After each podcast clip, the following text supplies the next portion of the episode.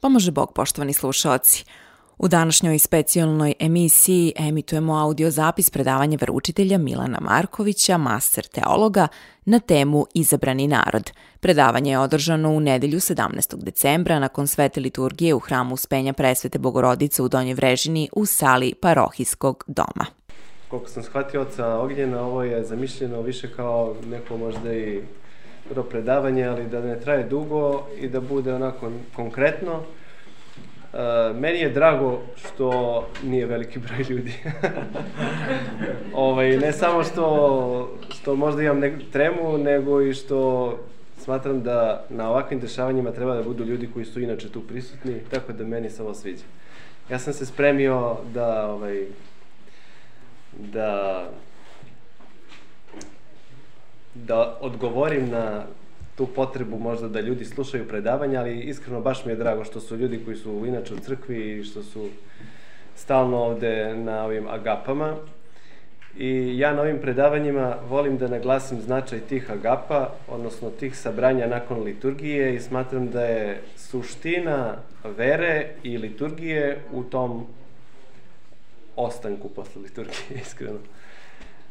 Mislim da su veoma bitna ta sabranja, pogotovo gde se ljudi druže nakon, nakon liturgije i zajedno učestvuju u toj, da kažemo, delatnoj veri, odnosno u ljubavi. Zato se ovi, ove, ovi nastavci liturgije nazivaju agape, odnosno na grčkom ljubav. Inače, samo ovaj predavanja i uopšte objašnjenja Svetog pisma su, da kažemo, suštinski deo uopšte vere i crkve, od samog postojanja crkve, tako da mi je drago da se ovako nešto eto organizuje, mada i sama crkva u sebi sadrži, da kažemo, neki aspekt poučnog i objašnjenja Svetog pisma. Ja bih pre svega naglasio nešto što možda mi kao vernici dosta zaboravljamo, a to je da koliko god mi stalno čitamo Sveto pismo na liturgijama i kod kuće, verovatno, često, e, ipak nekako zaboravljamo da je Sveto pismo suština naše vere. Nekako više smo opredeljeni da čitamo neku duhovnu literaturu koja je naravno korisna i dobra, ali nekako ipak, bez obzira koliko god čitamo Sveto pismo, nekako ga zanemarujemo. I smatram da nije loše da se ovako malo podsjetimo povremeno uh, nekih e, sadržaja iz e, Svetog pisma, jer Sveto pismo je zaista jedna dubina sadržaja kako e, teološkog, odnosno hrišćanskog, verskog, tako isto i po mnogim drugim aspektima, na primer istorije, medicine tog vremena i tako dalje.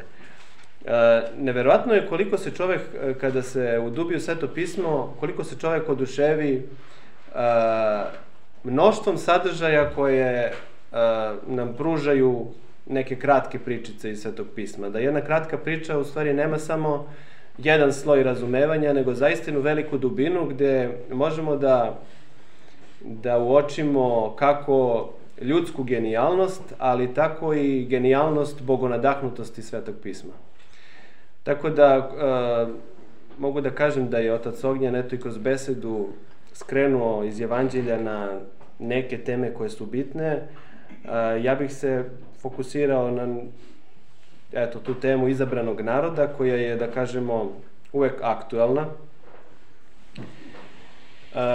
ono što je bitno u tom kontekstu, pogotovo izabranog naroda, da razumemo, jeste da je sveto pismo deo iz starog i novog zaveta. Dakle, ima dva dela. Oba dela su suštinska i oba dela su nam neophodna. Možda bi neko ovaj, od savremenih hrišćana, da kažem, ili iz crkve, je naglasio možda više značaj Novog Zaveta, mada ja, ja bih rekao da je i Stari Zavet isto tako veoma bitan za razumevanje Novog Zaveta i kako bi rekao jedan od naših e, starijih e, profesora, kaže, Novi Zavet se u starome skriva, a Stari se u Novom Zavetu otkriva. Dakle, Stari Zavet bez Novog Zaveta su nekako možda i e, nedovoljni, nepotpuni.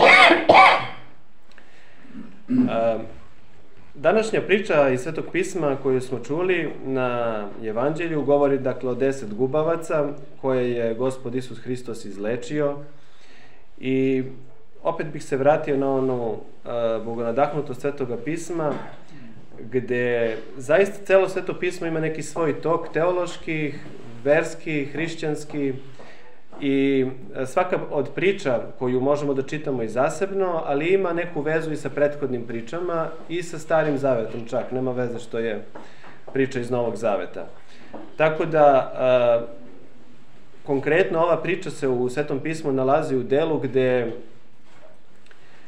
gde Hristos uh, kritikuje licemerje savremenih tadašnjih jevreja, koji su uh, veru svodili samo na puste reči, u smislu da su oni naslednici Avramovi, da su oni deca Avramova i da su oni taj izabrani narod koji kojeg je Bog odabrao, da su oni nešto posebni po svojoj veri i uopšte po tom odnosu sa Bogom.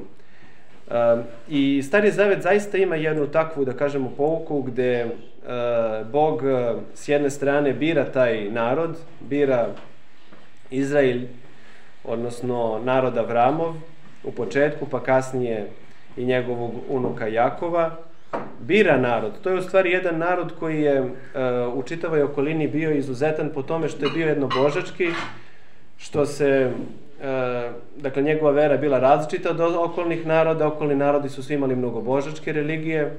I u tom kontekstu je, e, možemo da kažemo, i Bog e, zaista odabrao taj narod kao nekog svog sledbenika, ali sa druge strane i sam je taj narod, često ćemo primetiti u Starom Zavetu, i taj narod u stvari odgovara Bogu na njegov poziv, što znači da je taj njihov uzajamni odnos a, dosta naglašen. Dakle, to nije samo odnos Boga, gde da Bog bira narod, već i sam taj narod bira Boga često ili ga se u nekim situacijama čak i odriče.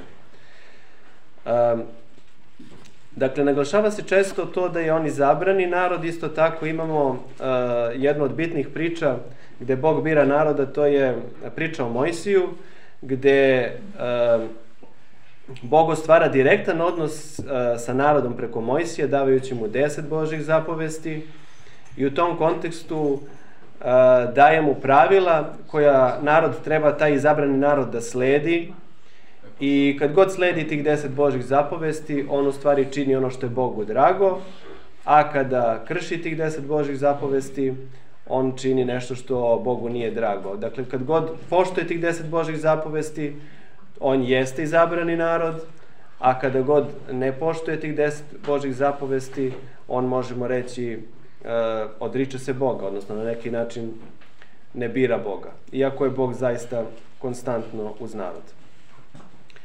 E sad ono, uh, zašto nam je bitno ovo naglašavanje starozavetnog uh, biranja naroda, odnosno zašto je ovaj narod u starom zavetu izabrani, jeste to što Hristo sada i kroz prethodnu priču o Lazaru i bogatašu kritikuje taj stav naroda jevrejskog, tadašnjeg, savremenog i fariseja, gde su oni smatrali da su zaista izabrani narod i da im ništa to ne može promeniti, u smislu da su oni bezgrešni, savršeni, jedini, jedinstveni u svetu po tom odnosu sa Bogom i da zaista Bog bira samo njih.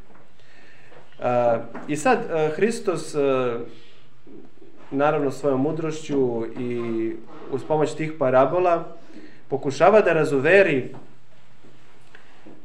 jevreje i uopšte njihove predstavnike, odnosno fariseje, da zapravo to nije tako. Da oni nisu izabrani narod u smislu da su bezgrešni i da su jedini sa kojima Bog ostvaruje odnos. I on dakle, kažemo u priči isceljuje deset gubavih. Interesantno je da, zašto se, pre svega ta simbolika brojeva u Svetom pismu je dosta bitna. Zašto je ovde stavljeno deset gubavih, a nije stavljeno pet, šest, devet ili neki drugi broj? Ono što je interesantno da taj broj 10 uvek simbolizuje Božje zapovesti. I e, zašto se kaže da je Hristos e, iscijelio deset gubavih?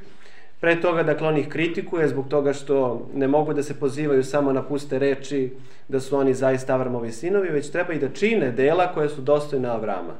Tako isto i sada. On kaže, ovih deset Božih zapovesti postale su gubave. Na koji način su zapovesti postale gubave? Zato što su ih e, držali samo pustim rečima, ponavljali su ih ustima konstantno, vezivali su se za te zapovesti kao da su oni zaista taj neki izabrani narod kome je Bog dao deset Božih zapovesti, oni su bezgrešni, savršeni, te tih deset Božih zapovesti su njihovo vlasništvo,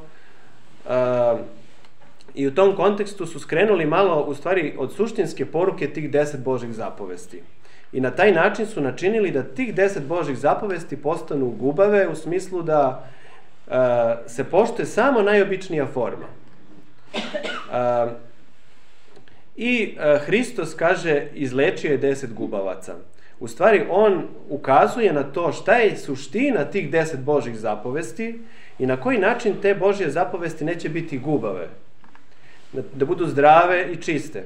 Mi znamo u, u Starom Zavetu se često spominju a, nečista hrana, nečiste životinje, nečisti ljudi i u Starom Zavetu nešto što je nečisto u stvari nema odnos sa Bogom. Tako su, na primer, nečisti ljudi u smislu bolesni, najčešće gubavi, jel tako, odstranjivani iz zajednice, Pre svega iz medicinskih razloga, dakle da bi došlo do opšte zaraze zajednice, ali s obzirom da je u Starom Zavetu narod zaista čitav svoj život upoređivao sa Bogom i vezivao za Boga, pa isto tako i ta neka medicinska pravila, oni su smatrali da e, iz zajednice treba da se isključe ti bolesni ljudi koji imaju bolest, dakle pre svega iz medicinskih razloga, ali isto tako s obzirom da je Bog vezan za čitav naš život, isto tako smatraju da da su uh, ti ljudi na neki način i van zajednice sa Bogom. Jer uh, Bog je u svim aspektima našeg života, pa i u tom zdravstvenom i medicinskom. Tako da uh, Hristos zbog toga i koristi ovu tešku reč gubavu, gubavost. Gubavost je teška bolest bila, kao što je otac spomenuo danas na, u besedi. I uh, on želi da naglasi da je zaista to licemerje, ta zloupotreba Božih zapovesti od strane tadašnjeg društva, u tom kontekstu su to bili jevreji, jevrejski sveštenici, fariseji, da ta zloupotreba Božih zapovesti i korišćenje najobičnijih reči za opravdavanje nekih svojih zlih dela ili nečasnih, sa druge strane, nekih dela koji su skroz suprotna uh, veri i uh, tadašnji, i uopšte starom zavetu i naravno novom zavetu, Dakle, on je naglasio da kroz deset, uh, isceljenje deset gubavih ljudi, u stvari, na neki način on želi da im ukaže da treba da iscelimo te deset Božje zapovesti na taj način što ćemo krenuti zaista te zapovesti da primenjujemo. I kako je to Hristos kasnije naglasio, na koji način im je on ukazao, kako oni u stvari da, da poštuju tih deset Božjih zapovesti. Interesantno je da se od tih deset Božjih zapovesti vraća, odnosno od, deset, od tih deset gubavaca, vraća se samo jedan čovek ka Hristu i pokazuje, e, zahvaljuje Hristu što ga je iscelio i pokazuje tu svoju veru. Devetoro ostalih se nije vratilo, što kaže otac, ne znamo šta se sa njima desilo. Ali uh, Hristos na taj način u stvari naglašava da od svih tih deset Božih zapovesti najbitnije je jedna stvar, a to je da mi pokazujemo veru prema Bogu delatno. On se čak, ovaj gubovac se čak i poklonio Hristu, kaže, kada se vratio ka njemu. Što nam ukazuje na to da mi kroz u redu je, treba da poštujemo deset Božih zapovesti, ali ukoliko e, te Božje zapovesti pravimo na gubave, činimo da budu gubave time što ih prosto ustima izgovaramo, e, stalno ih spominjemo, e, citiramo ih, jel tako? A s druge strane nemamo vere i delima ne pokazujemo to što nam te, tih deset Božih zapovesti u stvari u, na šta nas pozivaju, te, tih deset Božih zapovesti su gubave, one nemaju nikakvog smisla. I na taj način u stvari Hristos želi da poveže stari zavet u kome je izabrani narod bio, kažem, s jedne strane izabran od Boga, zaista, kroz čitav stari zavet, ali sa druge strane često i odabiran ili odbacivan od strane naroda, da zapravo sada taj izabrani narod nije više samo starozavetni jevrijski narod. već e, on želi da naglasi da je izabrani narod sada u stvari kompletan narod na čitavom svetu. Svako ko pokaže neku veru, odnosno iskrenu veru prema Bogu, pored toga što poštuje tih deset Božih zapovesti, naravno, svako ko pokaže iskrenu veru prema Bogu, on je u stvari pripadnik izabranog naroda Božjeg. I njega u stvari, a, pored toga što ga Bog izabira, dakle i on izabira Boga i na taj način pokazuje, pokazuje taj pravi izbor, izbor da poštuje deset Božih zapovesti, zaista istinski i suštinski i onako kako, čemu, kako nas uči u stvari Stari Zavet. Uh, to nam je bitno zbog toga što na kraju uh, ovaj jedini gubavac koji je zaista bio isceljen jeste Samarijanin. Samarijani su bili ljudi koji uh, nisu poštovani od strane uh, judejskog dela jevreja, jer su jedno vreme, jedno vreme Samarija bila njihova prestonica, carevi u Samariji su činili zla dela, nisu bili dovoljno pobožni i kada se kaže Samarija, najčešće podrazumeva se neko neverje, odnosno odsustvo zajednice sa Bogom. I zbog toga su jevre, zvanični jevreji, odnosno judeja, kao centralni deo jevreja, odbacivali Samarijane. I na taj način su smatrali da su oni nešto niži od njih, da oni nisu pripadnici izabranog naroda. Sada Hristos time što isceljuje e, Samarjanina, koji je gubav, u stvari naglašava da su i Samarijani, bez obzira što su ranije smatrani nevernima, da su i oni deo izabranog naroda na taj način što pokazuju svoju veru. Što znači neko ko je van izra, izraelskog, odnosno judejskog, jevrejskog naroda, a pokazuje veru, pritom poštuje deset Božih zapovesti glavnih, on na taj način u stvari nas, postaje pripadnik izabranog naroda.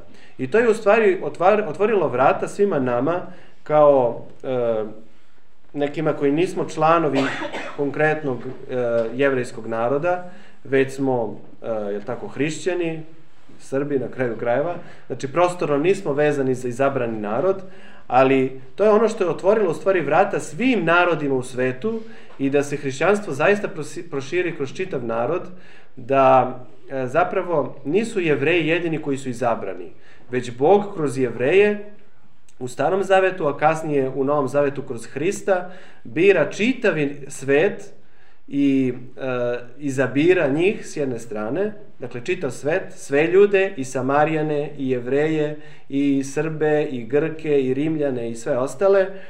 I ukazuje im na to da je pripadnik Božjeg naroda, izabranog naroda, onaj čovek koji istinski pokazuje svoju veru delima, a ne samo rečima kako su to u vreme Isusa Hrista činili pripadnici takozvanog jevrijskog izabranog naroda.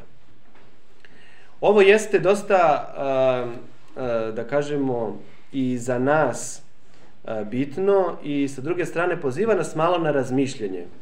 Često smatramo da mi kao hrišćani imamo nešto što drugima ne pripada. Da smo mi izabrani od Boga s jedne strane i da mi smo ti koji smo izabrali Boga i da smo mi u tom kontekstu nešto bitniji, nešto možda i značajniji i za Boga i uopšte u svetu.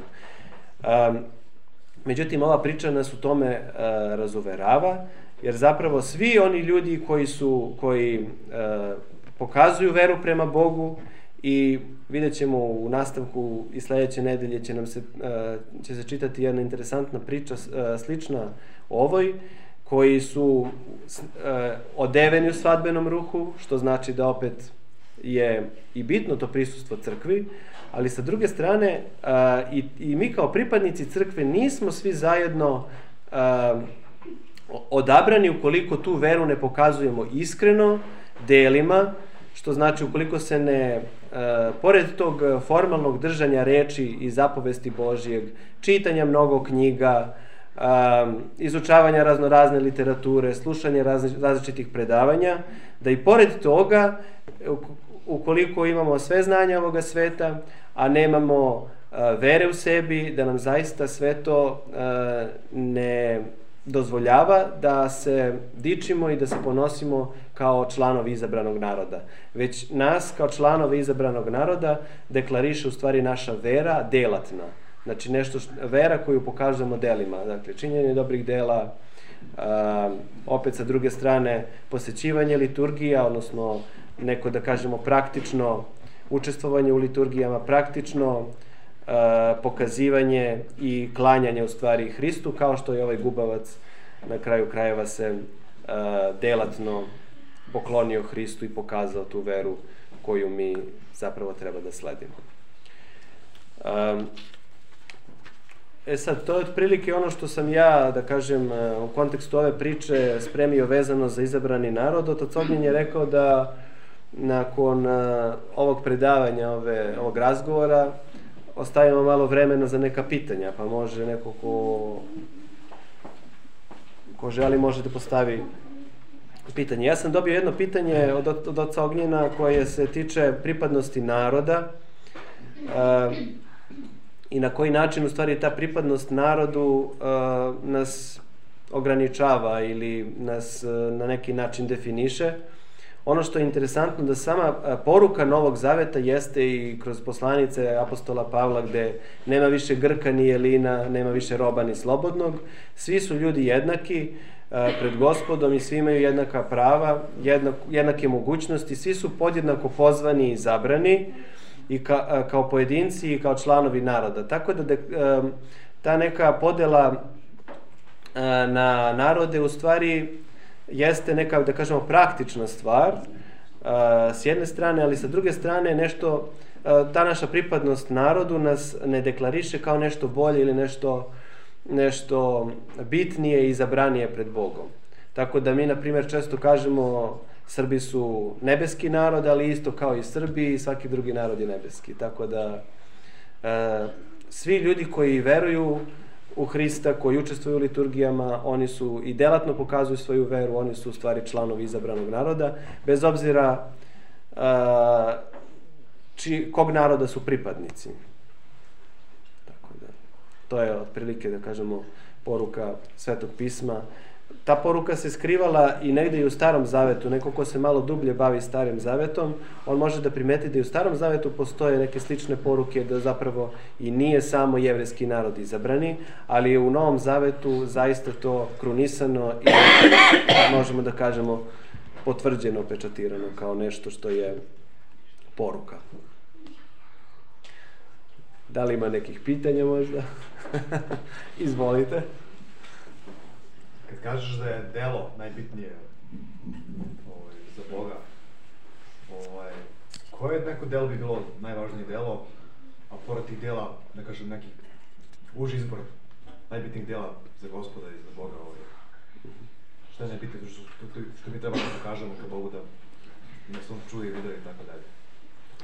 Da, pa dobro, u kontekstu ove priče Novog Zaveta ne možemo da kažem da izvučemo neku, neka konkretna dela, ali kroz čitavo sveto pismo, e, ako sada gledamo kontekst čitavog Novog Zaveta, ne samo ove priče, jeste da e, se delatna vera zasniva pre svega na pokazanoj praktičnoj ljubavi, e, praktična ljubav prema Bogu s jedne strane i praktična ljubav e, prema ljudima sa druge strane kao i što Sveto pismo nam poručuje su dve glavne zapovesti, pored ovih deset, je tako, ljubi gospoda Boga svog svim srca, svojim, svom dušom svojim i ljubi bližnjeg svog kao sebe samog. Tako da u stvari delatna, ljubav, dela, delatna vera u stvari pre svega se pokazuje kroz ljubav. Ljubav prema Bogu, eto, u, i u ovoj priči se spominje već da, da se ljubav prema Bogu pokazuje verom, opet uh, klanjanjem Hristu, odnosno učestvovanjem u liturgijama, a ta neka delatna ljubav prema ljudima, naravno, uh, izbegavanjem nekih razmirica, pokušavanjem da, da oprostimo, da se pomirimo, da činimo neka dobra dela u smislu pomoći potrebitima i tako. I mnoštvo drugih dobrih dela. Hvala. Mogu ja nešto? Može. A, znači, jevreji su izabrani narod, a mi ostali smo svi samo pozvani, a mi, a mi smo izabrani. Tako da, ne znam, mislim, uh, mi smo pozvani, pa smo izabrali. Šta sa drugim ovim verama? Religijama. pa, u tom kontekstu i jevreji su pozvani. Mislim, ne bismo mogli da kažemo da je bilo koji narod uh, drugačiji od jevreja. Opet, to... opet smo mi kod jevreja, opet smo nebeski, ipak šalim se, dobro, u redu je, mislim, pa... dalje neko, po, svi smo pozvani, znači pozvani su i muslimanski veroispovesti, svi su... Pa svi su oni pozvani, sad da, pitanje je Da, da li su... Pa to kažem, znači... Naravno. Da bih znači nismo izabrali, molim. Danas svi znaju za gospoda, svi su čuli ovaj, u svetu. Nije to kao nekad vreme. Možda neka plemena lupom tamo u dobro, ovo se, ovo se pretvara sad u neki razgovor. Nikog da se dobio, ja Mogu da se uključiti u problem. Ne, možda neka plemena u Amazoni, ne znam, koji žive neki paganski život, možda su čuli za gospoda, ali svi su danas čuli za gospoda i svi znaju pa, da Isus postoji. Pa, stoji da će, ne, uh, mislim, uh, da, uh, i dajne. Hoće kažem da nema izbora. čuli, smo svi, čuli smo svi za Rolls Royce, pa se, pa se malo od nas vozi u Rolls Royce. Ne, ne, to se kažem, svi znaju mi reći. Čuli su, čuli su za Isusa, ali taj Isus za koga su čuli na zapadu, ovaj, može da bude neki plastični Isus ili neki ovaj, silikonski Isus ili neki znači, Isus koji ovaj, uh, je zamena za Hrista u koga mi verujemo kao pravoslavni. Da. I onda to u suštini, to u suštini antihrist u, u prevodu znači ne neko ko je protivnik, ko je zamena za Hrista. Ovaj, tako da jesu čuli mnogi, ali e, ne mogu da se setim tačnog citata, ali stoji da će u poslednje vremena, da će tad da bude, znači, ovaj, propoved svuda, da će tad da čuli svi To je, ovaj, da, znači, čuli su, recimo, po imenu, ali ne pojam. Naprimer, čuli su i jevreji, evo sad malo ja sad uzimam reč, ovaj, čuli su jevreji za Isusa Hrista u koga veru hrišćani, međutim, uh, postoje, uh, snimci mogu da se nađu, razgovori sa njima, sa jevrejima, sadašnjim, zaistima, koji uopšte ne znaju da mi hrišćani verujemo da to taj Mesija koga oni u stvari iščekuju. Znači da je to Mesija koga su njihovi pravaci iščekivali, da mi verujemo da je on, da je on došao, a da su ga njihovi predsi podbacili. Ovaj, tako da oni jesu čuli za Isusa, ali nemaju pojma da ga da, da. čekaju. Oče, prašno da što malo širim temu, a evo na primjer otac Serafim Rose, koji je rođeni Amerikanac. Da. On je želao i tražio i na kraju tako ruske pravoslavne crkve, iako je rođen na zapadu i kao Eugene, je odrastao tamo, ima veze sa ovaj pravoslavljem, pa je tražio, želi naše Boga, naše pravoslavlje. Da. Znači, ko hoće, nađe način, ko reće, nađi izgovor. Mnogi, mnogi, mnogi prepoznaju, ipak smo mi izabrali, ipak smo mi ne bismo. Došli smo do zaključka da smo, da smo, jedan je Efrem Barizonski, širi, da, širi, svesti nego, šalim se, naravno. Tako da, kad propuno, ne znamo da postojiš neki serafimi koji mi ne znam. Ta propoved, znači, ta propoved u ovom apostolskom smislu još uvijek nije prošla u Kini, na primjer. Da, da. Koliko tu ima sela i zabiti gde nikad nisu čuli, iako su čuli, ili na primjer južnoamerikanci, oni su došli ovi konfiskadori kod njih i ubijali, oni znači bili krst, videli sve to, oni su to povezali sa terorom, ne sa ljubavlju i sa ovaj, Tako da tek će da dođe ono vreme kad će svi da čuju za Hrista i kada će biti izbor u stvari, jer to je taj, taj izbor da, ovaj, da, svako, da svako od nas dobije priliku da slobodno izabere, odnosno svako ko je da. na planeti. Malo bi se odovezao bio i otac Nikola Japanski, koji išao čak i Japan. Da, da. Da, ovaj, veli... Slavimo ga preko. Znači, eto, čak i na Japanu je bilo, da kažem, na svih kontinentima se gospod, ovaj, možda, vi kažete da će biti posle vremena, Kažem, čuo sam svi za Rolls Royce, da, da, da. svijeli. Ali kad je vozilo.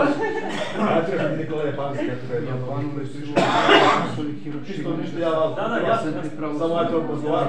Ne, ja da to Evo moje pitanje, ovaj, tamo ima kod evanđelista govori o poslednjim vremenima, kad, kad se govori, kad pitu Hrista kako će da budu poslednje vremena i to, i onda on ovaj kaže, uh, uh, kaže, umrznuće vas, umrznuće na vas svi narodi.